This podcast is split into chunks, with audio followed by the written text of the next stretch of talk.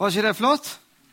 Ja, veldig flott eh, det er, eh, Svein Ola. Tusen takk skal du ha. Jeg syns det er veldig kjekt eh, at vi har fått litt mer fart på det slagverket her i Misjonssalen. Skal ikke få se etter hvert om dere ser en rød tråd her. Da jeg gikk andre året på Vestborg, jeg var 17 år gammel, så skulle jeg i min første begravelse. Det var oldemora mi som, eh, som var død. Eh, hun var over 100 år, så hun var nok klar til å, til å reise hjem. Men jeg var veldig spent på hvordan det her skulle bli. For, for Hun var den eneste oldeforeldrene mine som levde, og, og tre av besteforeldrene mine var døde før jeg var født. og hun siste hun lever enda. Så var liksom den første begravelsen jeg var i. og, og Jeg har liksom sett for meg at det var, skulle være veldig, skulle være veldig lei oss. Og Jeg var spent på om jeg skulle klare å få til å grine, for jeg tenkte liksom at jeg må jo få fram noen tårer på en søndag. Men så er jeg ikke alltid så god til det, så, så derfor var jeg litt sånn spent på hvordan dette her skulle, skulle bli. Eh, så når jeg kom der inn, dette her var på, inn på Sæbø, eh, så ble ikke det slik som jeg hadde satt for meg. Um, klart at det, det, kan hende det spilte en rolle at hun var så gammel. Um, men det var noe uansett trist for, for barn og, og barnebarna skulle si adjø. Eh, mens de, jeg husker faktisk sånn, I det jeg skulle begynne, det, så prøvde jeg å omtrent presse fram noen tårer. Eh, men jeg la merke til at stemninga rundt var mye lettere enn hva jeg hadde sett for meg skulle være. Eh, det var jo til og med noen som, som flira litt der. Og også dette minnesamværet. Det var minst like mye glede som sorg. Jeg husker at noen av oss oldebarna vi sang denne sangen som vi nettopp sang. I fred skal jeg vakne på, og himmelens herligdom sjå. Jeg tenkte nok på hva det var vi sang, men det gjorde nok ikke så stort inntrykk den gangen. For jeg tror det, det skjer noe etter hvert i livet vårt. Eh, for en stund så tror du nærmest at du er udødelig. Men så litt ut i 20-åra, kanskje starten av 30-åra, så begynner det å gå opp for deg at du er ikke det. Eh, kanskje noen av oss la merke til den første gangen vi ikke tok så stor fart som mulig på, når vi skulle hoppe på ski. For plutselig så har du begynt å tenke på at disse her knærne skulle jo faktisk være med deg en stund. Eller kanskje noen la merke til den dagen de måtte virkelig ha en middagshvil for at dette her skulle være å holde ut. Så Hm. Kanskje er det sånn at jeg skal ikke være evig allikevel. Jeg tenker Noen av dere konfirmanter som sitter her, dere syns kanskje det er litt rart noe av det jeg skal si i dag. og Kanskje dere ikke forstår alle følelsene som jeg skal innom. Eh, gled dere over at dere har langt liv foran dere. Men kanskje dere skal likevel prøve å få med dere litt det jeg sier om himmelen.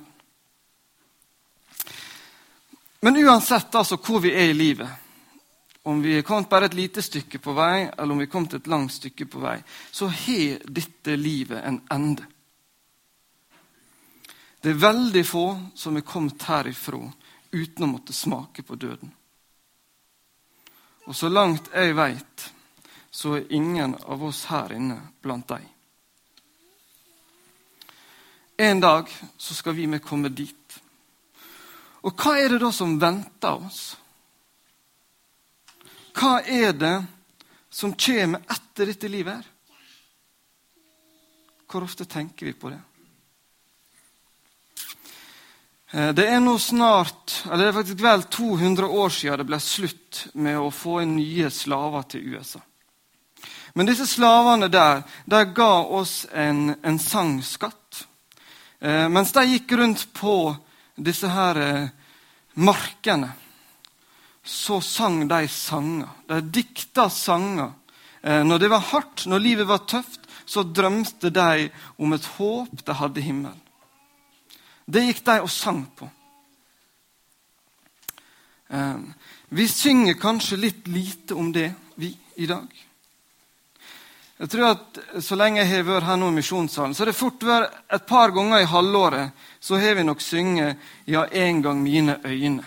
Vi skal synge den etterpå i dag, og det er en flott himmelsang. Men å synge den et par ganger i halvåret, er det nok til å minne oss mye på himmelen? Tenker vi mye på det? Er vi opptatt av det? Jeg må innrømme at jeg ikke er så opptatt av det. Jeg tenker lite på himmelen, for har det så bra her på denne jorda.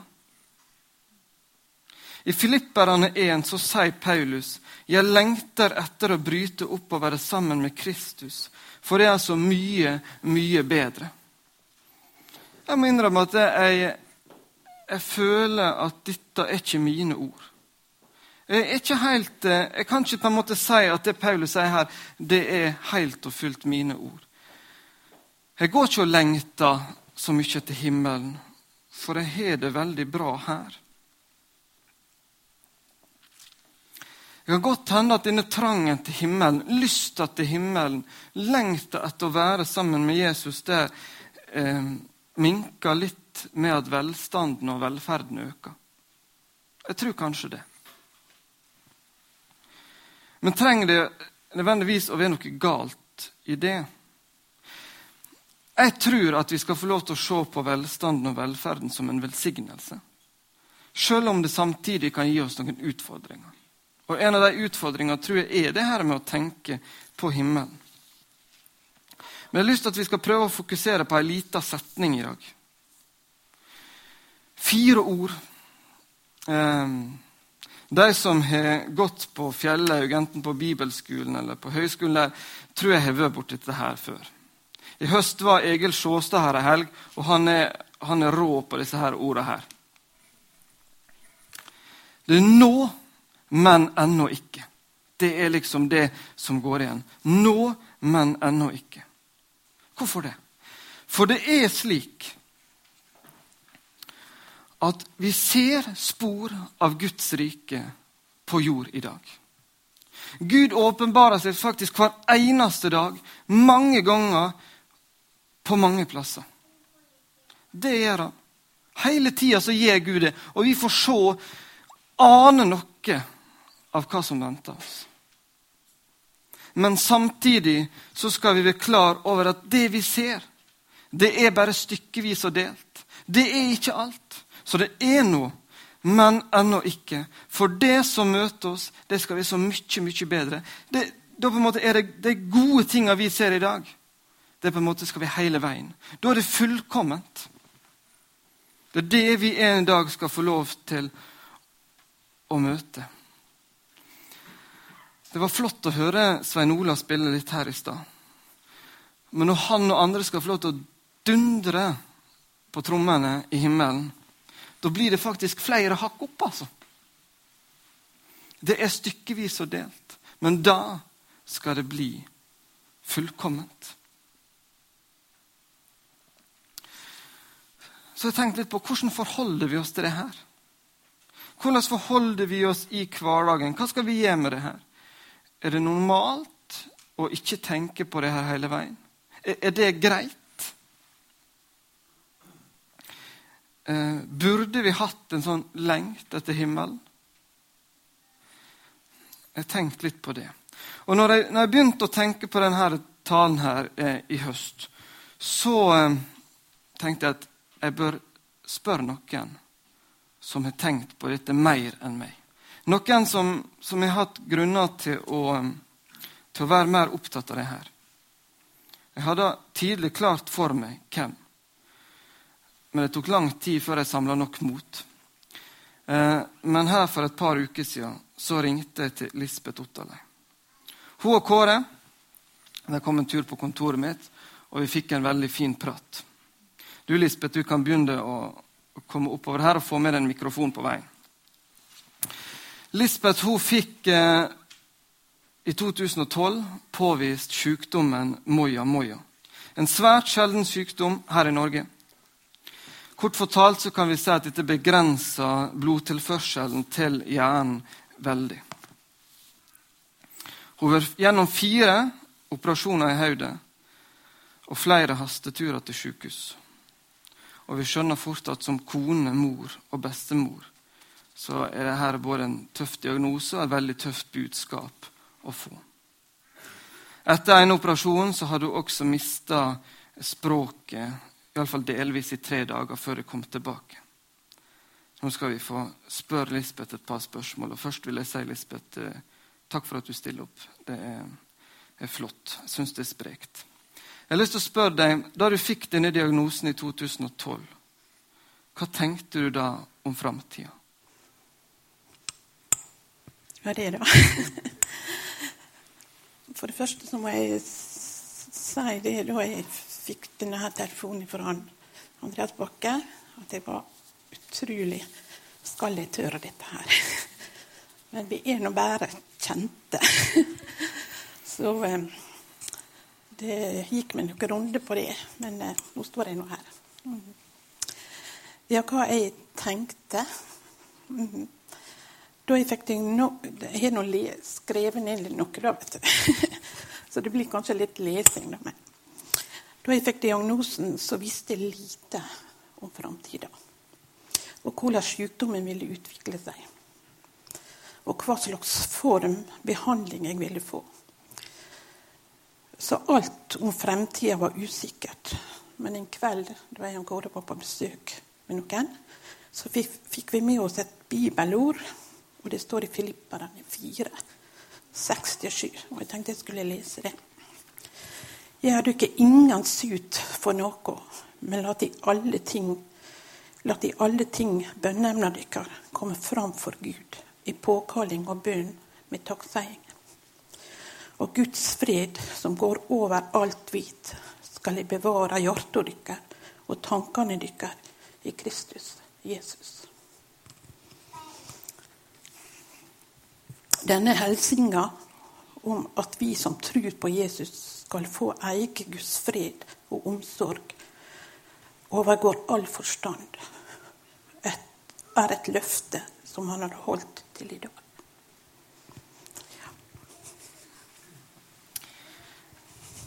Har du vært, eller, eller, er du redd for døden? Nei. Det er ikke Ikke på annen måte enn at Nei, det var ikke dette. Det, nei, i, i grunnen ikke det med tanke på at nå kan det skje at jeg dør, er det ikke de tankene som har preget meg mest i de siste åra. Men jeg har naturligvis vært engstelig og veldig spent i tida før operasjonene og de gangene vi måtte ringe 113. Det ville vel være usant om jeg sa noe annet. Men i Jakobs brev i kapittel 4, 14 og 15, så står det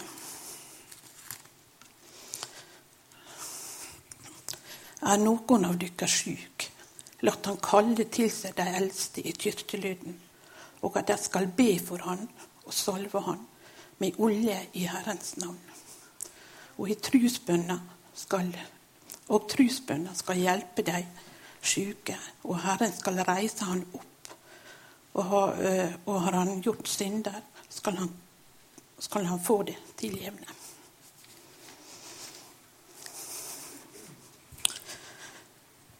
Etter en søndagsmøte her i Misjonssalen, eh, rett før første operasjonen min, så var vi samla noen ut på bønnerommet her ute.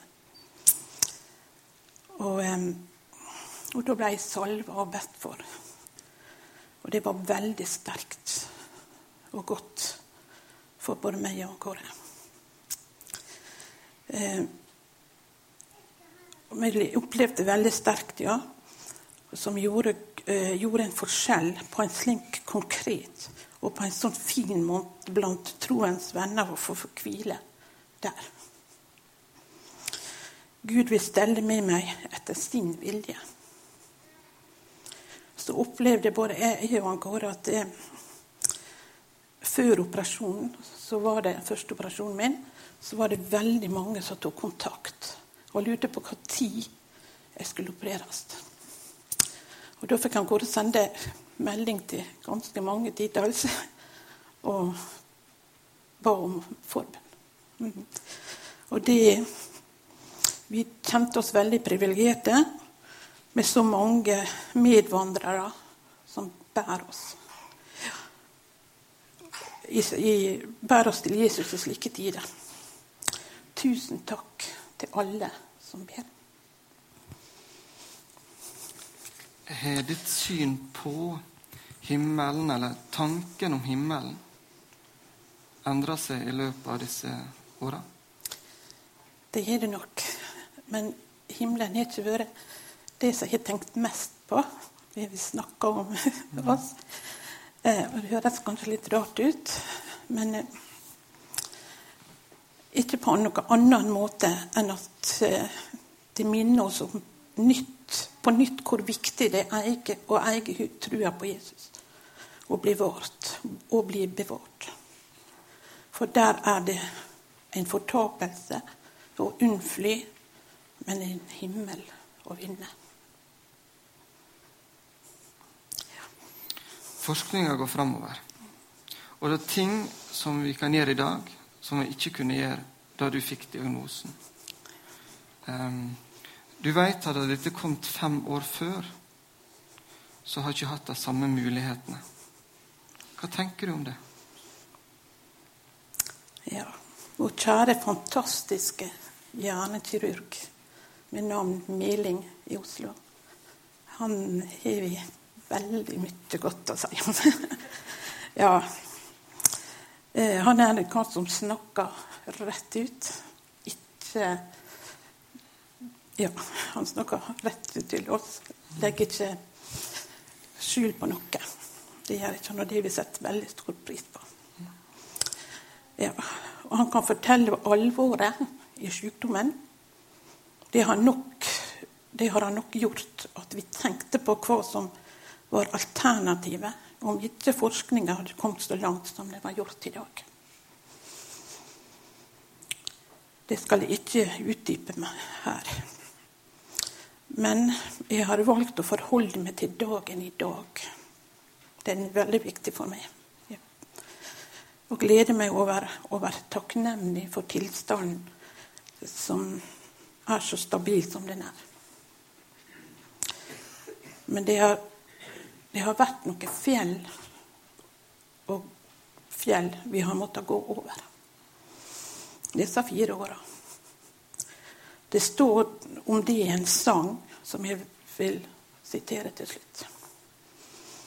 Det er mange fjell jeg skal over, skal over.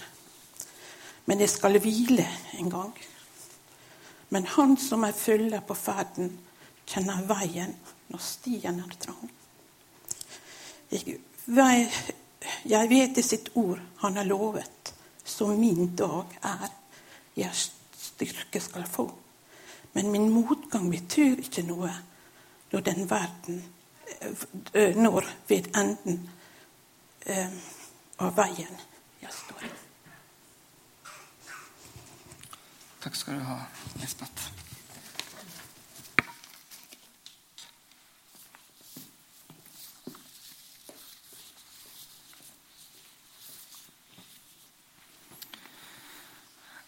Jeg tror dere kan forstå at jeg fikk eh, mye å tenke på etter denne praten med Lisbeth og Kåre.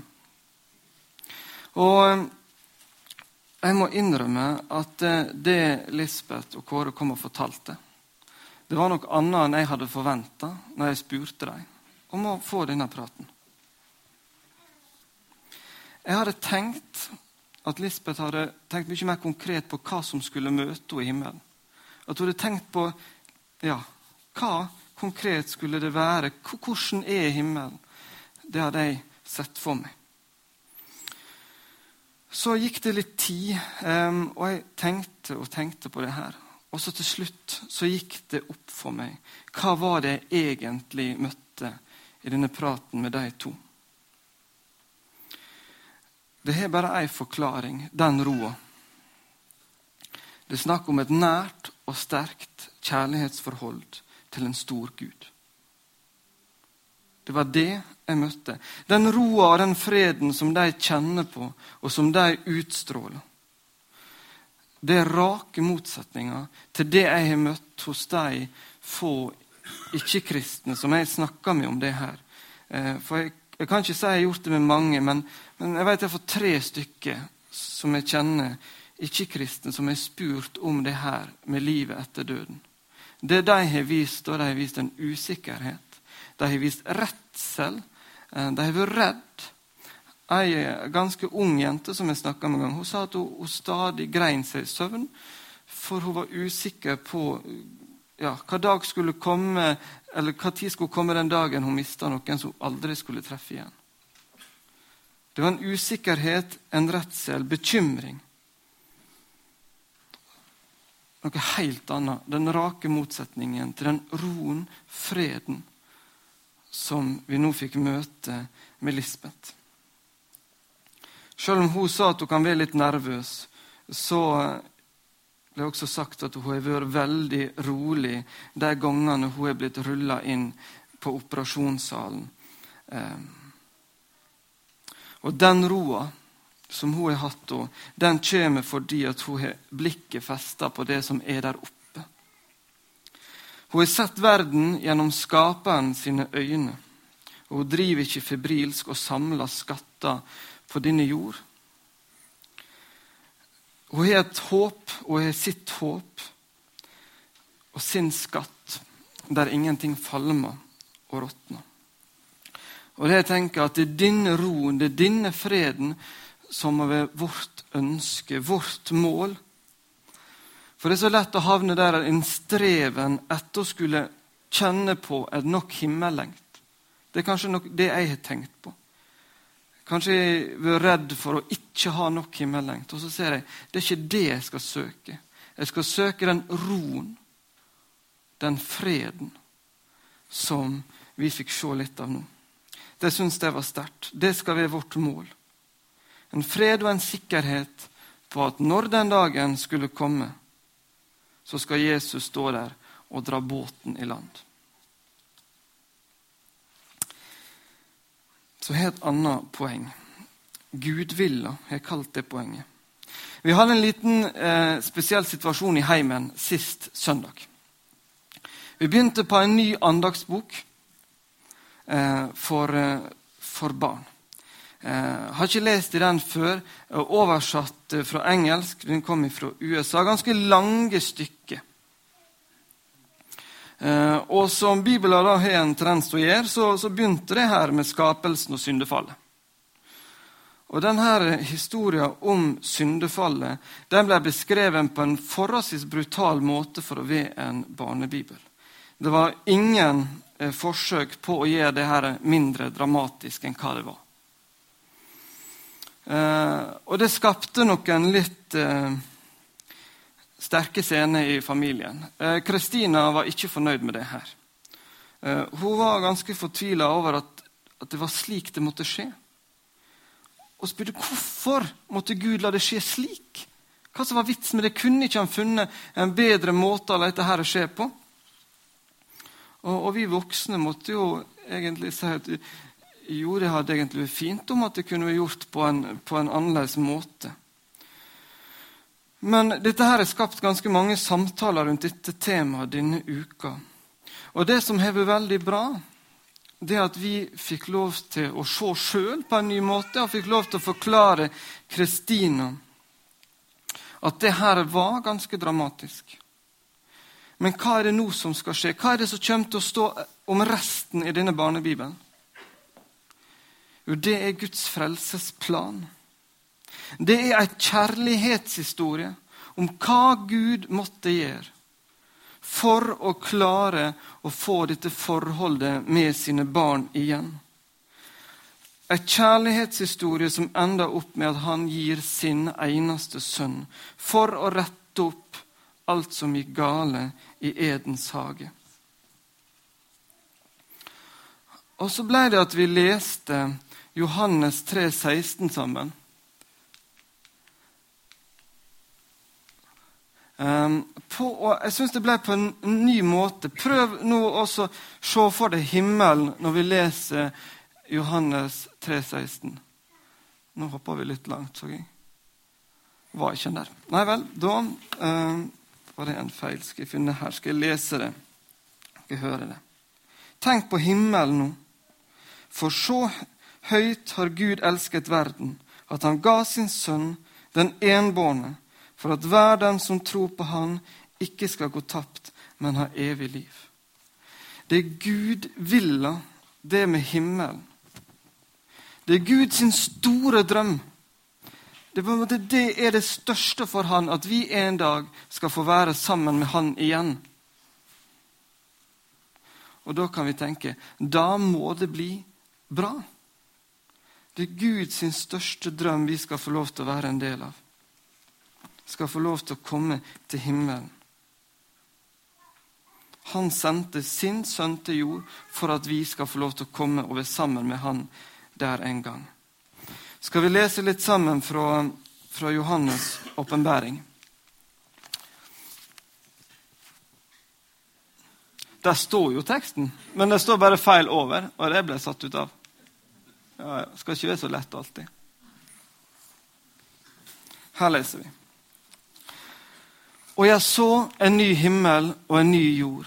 For den første himmel og den første jord var borte, og havet fantes ikke mer.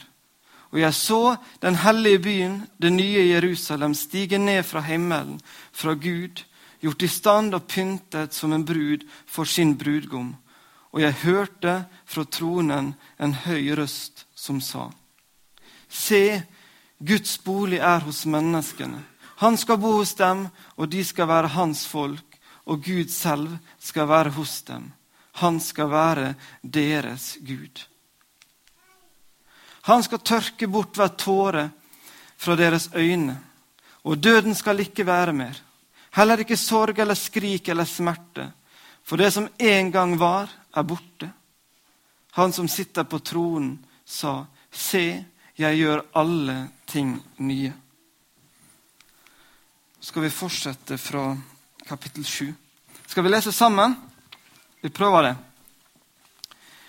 Deretter så jeg en skare så stor at ingen kunne telle dem, av alle nasjoner og stammer, folk og tungemål.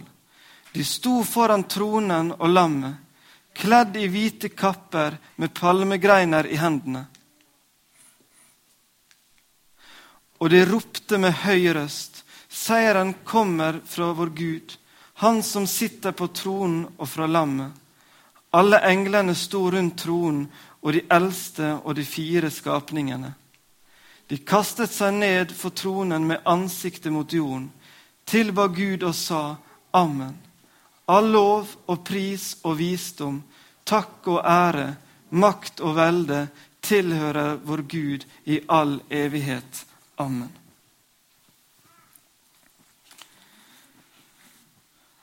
For du som kjenner at livet gjør godt, så la det gjøre godt.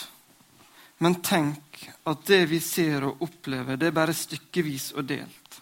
Men at en dag så skal vi få lov til å se det fullkomne. For de som kjenner at livet river litt, at de tunge dagene kan ha overtaket. Tenk da på at du har en ny himmel og en ny jord i vente. En verden uten sult, en verden uten smerte, en verden uten urettferdighet, en verden uten krig. Du har en himmel i vente. Lengter du etter å komme til Gud, så gjør det med god grunn. Du blir ikke skuffa. Lengter ikke du så veldig, så tror jeg det med er greit. Men søk den roa som vi i dag har fått hørt om og presentert med Lisbeth. Roa på at den, at den dagen, at når den kommer den dagen, så vil Jesus stå der og ta denne båten din i land. Under generalforsamlinga til NLM i fjor sommer, så var David Phelps der. Jeg hadde aldri hørt han synge som solist før generalforsamlinga. Men etterpå så har ikke det gått mange dagene mellom hver gang jeg hørte han på Spotify eller YouTube. Han er ofte med meg på kontoret. Han er alltid med meg når jeg trener eller når jeg klipte plen i sommer. Vi skal avslutte denne talen med å høre den sangen Your time will come. Tida din vil komme. Den sangen tente min himmeldrøm, eh, slik som jeg aldri før har kjent det. Min drøm er bl.a. å få være med og spille tromme i himmelen. Kanskje sammen med Svein Ola. Og bare dra på. Vi som vi var sist søndag, vi fikk høre at Arne Tord fysisk lukta vafler når han hørte dugnad. Når jeg hører trommer, så tenker jeg på himmelen. Gled dere til det dere skal få møte der. Den dagen, den skal bli bra. Da er ikke det lenger stykkevis og delt.